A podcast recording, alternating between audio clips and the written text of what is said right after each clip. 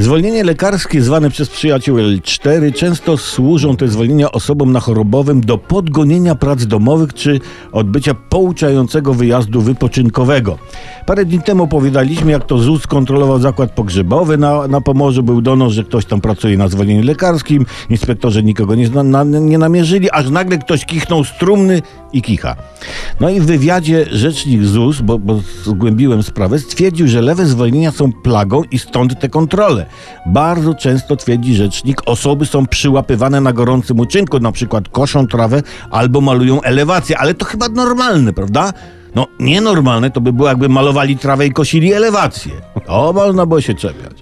No i dodał, że każdy może być skontrolowany, a kto to będzie, decyduje losowanie. Kurde, losowanie. Patrzcie, jak oni się tam fajnie bawią, Zusie.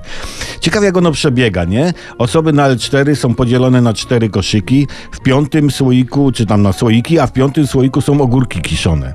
Zawsze się mogą przydać. Bo, tak, żeby jakby co, to w zasadzie są i ewentualnie najmłodszy z losujących może skoczyć to tu, to tam z kwotą składkową i nabyć to, to, to, tamto, by losowanie przebiegło w atmosferze. No i ci z najdłuższymi e, zwolnieniami, weterani L4, zawodowcy są rozstawieni, do nich dolosowywani są zwol- e, ci zwolnieniowcy z pozostałych słoików.